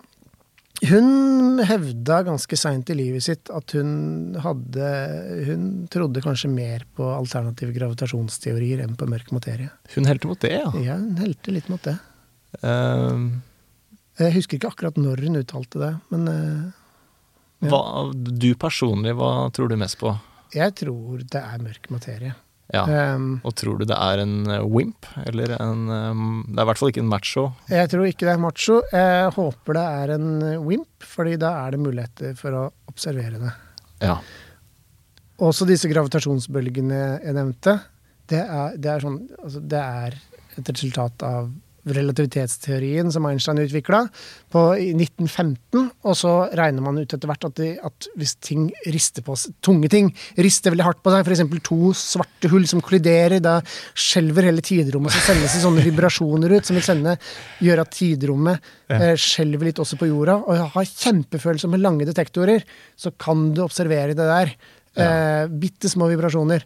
Og det lette man etter siden 60-tallet. Og så nå, bare for noen få år siden, så klarte man å observere det for første gang. Okay. Så har det liksom hele tida vært sånn greie. Ja, det fortsetter å jobbe. Ja, dere fortsetter med disse gravitasjonsbølgedetektorene. Ja, vi, nå, skal, nå kommer vi til å se noe snart. Ja, ja, særlig. Så plutselig en dag så, så står det i avisen nå skal, det- nå skal LIGO-eksperimentet som ser etter gravitasjonsbølger, ha en stor pressekonferanse. Ja. Så viser det seg at wow, de har faktisk sett det etter alle disse tiårene hvor de har lett etter gravitasjonsbølger. og det, det gir jo litt håp, da. Ja, eh, det gjelder å ha litt stamina i forskningsfeltet her. Ja, har de lett etter mørk materie i mange Ja. år, og så liksom har de kjempetro. Nå kommer det bra detektorer! Nå kommer de til å vinne! Nå kommer de til å vinne! Eh, og så skjer det ikke noe, og du mister litt Ja. trua. Men, uh, men en dag så står Ja. vi opp om morgenen, og så er det pressekonferanse for et av disse eksperimentene. Men skal, nå er det stor oppdagelse. Ja. Kom, kom. Og så sier de igjen nå har vi sett sikkert signal på at mørk materie, WIMP-partikkel, finnes. Og, Ja. og det har vært fint. Da går du inn på Dagbladet, så står det 'slik får du multiorgasme', og så står det en bitte liten tekst ved siden av. Vi har funnet svaret på et av universets store gåter. Ja. ja. Bare å glede seg. De, og de to nyhetene henger jo sammen. På alle mulige måter. På alle mulige måter. Men tror du vi Eh, finner ut, eh, finner ut av det her i løpet av vår levetid? Har du håp om det? Um, jeg har jo det. Jeg, jeg har det. Um, det kommer eh, Man har jo disse eksperimentene som ser ut som kollisjoner. Det kommer mye mer følsomme eksperimenter i løpet av 2020. De neste ti åra kommer det en del nytt. Mm. Og så er det sikkert De kommer jo aldri fortere enn planlagt, sånne, sånne kompliserte ting. Eh, men jeg har jo håp om det, at den Å våkne opp til den nyheten om Mm. at de har funnet noe. Um, vi har denne partikkelakseleratoren Ja. CERN, Ja, ja, Sveits, hvor de kolliderer partikler i enorme hastigheter og ser hva som kommer ut. ja, for de leter også etter mørk eh, Ja, ikke direkte, men de, de utforsker jo det også. Men, men først og fremst så utforsker de mer fundamentale teorier for partikkelfysikk. mm. Og i sånn supersymmetri og sånt, det er det noe som heter. Om hvor det, og hvis disse teoriene de finner ut av disse teoriene, kan det måtte gi gi oss mange nye partikler Mm. som, vi kan, som kan Noe av det kan være mørk materie også. Så de kan også nøste opp i den kvoten Og jeg tror de er eh, har slukka ned, slukka ned akkurat nå om dagen, driver og oppgraderer og sånt. Men okay, de, skal, ja. de skal i gang igjen og smelle unna med enda større Ja. hastigheter og, og observere enda Så det, det skjer ting. Ja. Eh, så jeg håper jo vi finner ut av det her. Så det er mange Ja. som forsker på dette parallelt og samtidig, med ulike tilnærminger. da. Ja. Så, og det er jo, som du skrev i boka, at det er eh, på en måte to forskningsfelt som forenes. For du har det bitte lille innenfor kvantemekanikken, og så har du det store astronomiske, kosmiske perspektivet. Er Ja, vi har har jo sånn- vært innom ja, både nøytrinoer Ja. og øh, kosmos. Det er, øh, det er stort felt. Jeg var veldig glad da jeg skrev den boka. Jeg var livredd for at akkurat når den var i trykken, så oppdaga man mørk materie. Ja, tenkte- liksom- Stopp, stopp, stopp! Send tilbake. Så det er litt godt at det har ikke Ja, ja. skjedd så mye de siste fem åra. Absolutt. Men uh, jeg har lyst til å spørre deg det samme som jeg spurte Øystein. For du som jobber med det her da, på daglig basis og doktorgrad i astrofysikk og sånn, blir du litt sånn uh, avstumpa du også? Litt sånn blasert? Eller blir du, kan du bli bergtatt av eh, de store spørsmålene når du ser ut i kosmos og kan du Ja, liksom nå jobber jeg ikke med det her til daglig lenger, nå jobber jeg i leksikon. Nei, nei, vi tror du, så jeg, jeg har, ja. har jo holdt på å forske på det her, men jeg er litt mer av avstand. Men, men da også, så, det var jo det som var grunnen til at jeg begynte å studere astrofysikk. var Mm. jo den derre stå under en stor stjernehimmel og, Ja. og For det høres ut som en klisjé, men det er jo helt sinnssykt ja, hvis man jeg å tenke, hva er det som, hvor, hvor er det som er utafor universet? Ja. Hva, hva, hva før Big Bang? Og så, så det var en del sånne spørsmål som gjorde at jeg begynte med det her. Og så er det fort gjort å glemme det, for du blir jo liksom fanga av Du har et dataprogram som ikke virker som det skal, og så må du Mm. finne ut av noen bugs der, og så er det noen ligninger du ikke klarer å løse helt, og så er det Ja. Og så har kaffetrakteren gått i stykker. Det, det er masse du, du, Så er det du på har masse sånn ja. dill, og så pirker du på samme stedet. Men så er det jo av og til, da, Eh, hvor man får litt sånne åpenbaringer. At wow, det er faktisk det her Ja. eh, det har jeg sittet og jobba med. Ja, ja. Eh, Det er, og det, det er veldig vært noen veldig fine opplevelser eh, med det. Du blir avstump... Eller du, jeg skal, jeg skal ikke si noe, men eh, Nei, ikke ennå i hvert fall, jeg, jeg blir eh, har blitt avstumpa i liksom, det daglige virket, men med stadig sånne påminnelser eh, om Ja. at det er, det er ganske kult. Det er rått, altså. Ja. Når man begynner å plukke det fra hverandre og sånn. Jeg vil lese en uh, Hva var det jeg leste i boka di? Det var bare en sånn setning av at uh, uh, Melkeveien er øh, 200 millioner lysår i diameter eller noe sånt. Kan det stemme? Eller 200 Nei, det var litt mye. Eh, Eh, 100 000. 100 200 000 var det kanskje? Ja. 200 Nå tok Det er en sånn der Monty Python-sang, det? The Galaxy Song, som Ja. opp, uh, sier at it's 100 000 light your side. Ja, ja. Så det er 100 Ja, 000. 200 millioner. Jeg er enig at det var litt ja, for det er øh, 2,5 millioner lysår til Andromeda-galaksen. som er- Trykka litt på. Ja. Men jeg husker jeg tenkte, jeg leste det, så tenkte jeg jøss, var, var det ikke større? Og så begynte jeg å plukke det fra hverandre. Ok, hvis det er eh, 100 000 lysår i diameter, så tar altså lyset som bruker 300 000 km per sekund, 100 000 år fra ene enden til den andre. Ja. Det er jo Ja, det er, det er bare å si god natt. Nei, jeg blir i hvert fall svimmel. er- Det er svært. Men eh, du, boka di, eh, den kommer jo ut i 2015, men den, eh, sjekka, du får fortsatt eh, kjøpt den. Det er jo en perfekt julegave. Den er fortsatt mulig å kjøpe, ja. Ja. Ja. Det usynlige universet, verdensrommets mørke hemmeligheter. Ja. Uh, mørk materie. Hvis man syns det er uh, mystisk, så bare vent. Don't get me started on uh, mørk energi, liksom. Ja, det er, det er, eh, det er eh, minst like mystisk. Det er jeg. Jeg gleder meg til det. Det blir på nyåret. Ja. Du, tusen takk for uh, praten. Dette var veldig gøy. Takk skal du ha. Denne podkasten er produsert av Tid og lyst.